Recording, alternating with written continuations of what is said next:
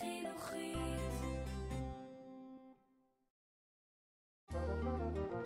סוד עסיס וצבע המשוררת ריקי דסקל מגישה את המילים מאחורי השירים.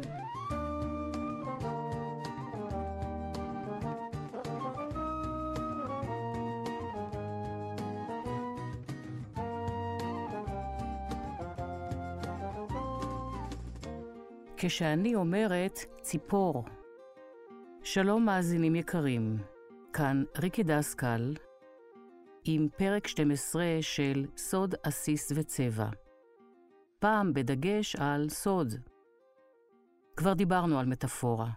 נמשיך ונדבר. זה נושא שמרתק אותי. מטאפורה היא הלב של השפה, של כל שפה. המילה מטאפורה, מטאפורה, מגיעה מן היוונית ומשמעותה לשאת לעבר. מטה לעבר, פורה לשאת. והמקבילה הלטינית תהיה טרנספר. אני מבקשת לקרוא בפניכם את תחילת הפרק, שונית של מטאפורות מתות, מתוך ספרו של גיא דויטשר, גלגולי לשון, מסע בעקבות המצאתו הגדולה ביותר של האדם, הוצאת חרגול ועם עובד, 2007. בספרו של אנטוניו סקרמטה, סבלנות לוהטת, הרומן שעליו מבוסס הסרט הדבר, מנסה המשורר הצ'יליאני, פבלו נרודה, להסביר לדבר הצעיר מריו מהי שירה. מטאפורות בן אדם, איזה מין דבר זה? המשורר הניח את ידו על כתפו של הנער. כדי שתבין פחות או יותר, בוא נאמר שזו דרך לתאר דבר מסוים בעזרת השוואתו לדבר אחר. תוכל לתת לי דוגמה? המשורר הביט בשעונו ונאנח. תראה, אם אתה אומר שהשמיים בוכים, למה אתה מתכוון? טוב, זה פשוט מאוד, הכוונה היא שיורד גשם. בבקשה, הנה לך דוגמה של מטאפורה. מריו מנסה נואשות להפוך גם הוא למשורר, אך אינו מצליח בשום אופן להמציא מטאפורות משל עצמו. אז נרודה נרתם למאמץ. עכשיו אתה הולך למפרץ דרך החוף, ובעת שאתה מתבונן בתנועת הים, אתה יכול להמציא לך כמה מטאפורות. אפשר לשמוע עוד דוגמה? תקשיב לשיר הבא. כאן על האי ים, כל כך הרבה ים, עולה על גדותיו לפעמים. אומר כן, ואז לא, ואז לא, אומר כן בכחול, בקצף, בדהרה, אומר לא, ואז לא, לא יודע שקט. שמי הוא ים, הוא חוזר ואומר, מכה באבן מבלי לשכנעה, ואז בשבע לשונות ירוקות של שבעת טיגריסים ירוקים, על שבעת הימים הירוקים הוא מערסל אותה, מנשק אותה, מלחך אותה, ומכה על חזהו בחוזרו על שמו. המשורר עצר לרגע שופע שביעות רצון. מה דעתך? מוזר. מוזר? אתה מחמיר מאוד כמבקר. לא, דון פבלו, השיר בכלל לא מוזר. מוזר זה מה שאני הרגשתי כשקראת את השיר. מריו יקירי, בוא תנסה קצת להתעשת, כי אני לא יכול לבלות את כל הבוקר בשיחות מעניינות איתך. איך אני יכול להסביר את זה? כשאמרת את השיר, המילים הלכו מפה לשם ומשם לפה. נו, זה כמו הים. נכון, הן זזו כמו הים. זה נקרא קצב. ואני הרגשתי מוזר, כי עם כל התנועות האלה הסתחררתי. הסתחררת? בדיוק, הרגשתי כמו אונייה שמתנדנדת על המילים. עפעפי המשורר נפתחו אט-אט, כמו אונייה שמתנדנדת על המילים. בדיוק. אתה יודע מה עשית עכשיו, מריו? מה? המצאת מטאפורה. סקרמטה נותן כאן ביטוי לדימוי הרווח של המטאפורה כלשון השירה, פסגת הדמיון הספרותי. ברגע של השראה עוקר המשורר מושג מסביבתו הטבעית ומעתיקו לתחום אחר לגמרי.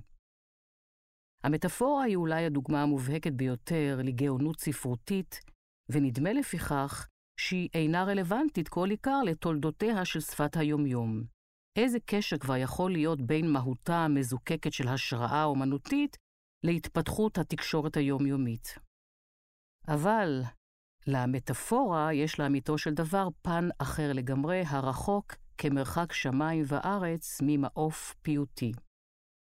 בחיי היומיום אנו משתמשים במטאפורות כי הן הצורה היעילה ביותר להבין מושגים מופשטים. מטאפורות זורמות מהמוחשי אל המופשט, משום שאנו זקוקים להן במחוזות המופשטים. הדרך היחידה שלנו להרחיב את טווח הבעתנו כדי להכיל מושגים מופשטים, היא להישען על מונחים מוחשיים. עוד קובע דויטשר שדחף ההבעה גם מביא אותנו להשתמש שוב ושוב באותם דימויים, אך בשל השימוש החוזר ונשנה, מתקלפות המטאפורות מחיוניותן המקורית, ובסופו של דבר נשחקות ומתות. והשפה למעשה היא אוסף של מטאפורות שחוקות, מתות, המצטברות והופכות להיות שוניות ששכחו שפעם היו אלמוגים חיים. למשל ויכוח חריף, או ראש ההר, או לב הבעיה, או ציפור הנפש. השפה הגדילה לעשות עד כדי כך שמילים בודדות הפכו למטאפורה העומדת בזכות עצמה. למשל, בית, או דרך, או ציפור. כל אחת מן המילים הללו סוחבת קידבגים דחוסים של משמעויות. המשורר יברח ממטאפורות שחוקות כמו מאש, נכון, שחוק, וינסה לברוא בלהט ההשראה מטאפורות בתולות, כאלו שאי אפשר באמת להבינן עד הקרקעית. ואולי ממש גם לא צריך. ובכן, כשאני אומרת לו הייתי ציפור, אני מתכוונת לנסיקה.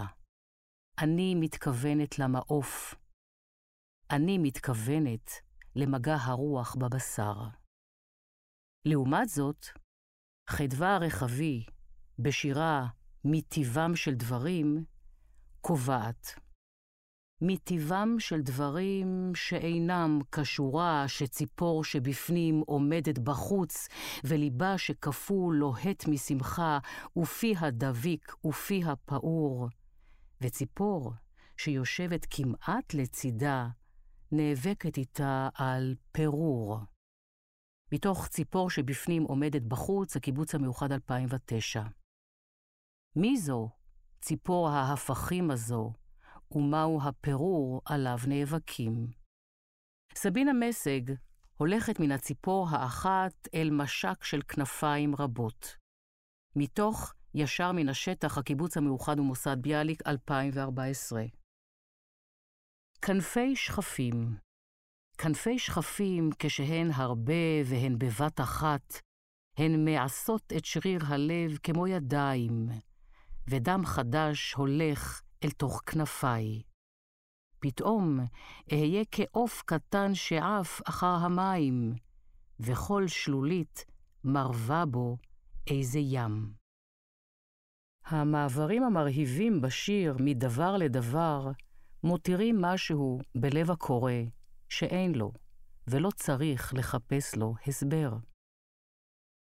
רחל פורמן אלבז, בספרה געגוע למלאני, ספרי עיתון 77-2010, כותבת: רג'י חשב שהוא ציפור. ריחף על חלון, בקומה רביעית, יחף ושיכור. אחר כך באו שוטרים. רג'י התכופף וחייך להם בפנים, פרס כנפיים, המריא. בנסיבות אחרות, יכול היה להיות רקדן בלט ראשי. האם צריך להסביר את הקשר בין האיש, הציפור והבלט כדי לדעת מה התרחש שם? עופרה קליגר בספרה "להיות יש בעולם", הקיבוץ המאוחד 2014, כותבת: בקיץ אתה שומע שריקת ציפורים הן מצווחות, געגוע רחוק ניגר מגרונן. אני שמה לב לאליטרציה, זאת אומרת, לשימוש בהברות, בהגאים בעלי צלילים דומים, ואני יכולה לשמוע את גרגור הציפור.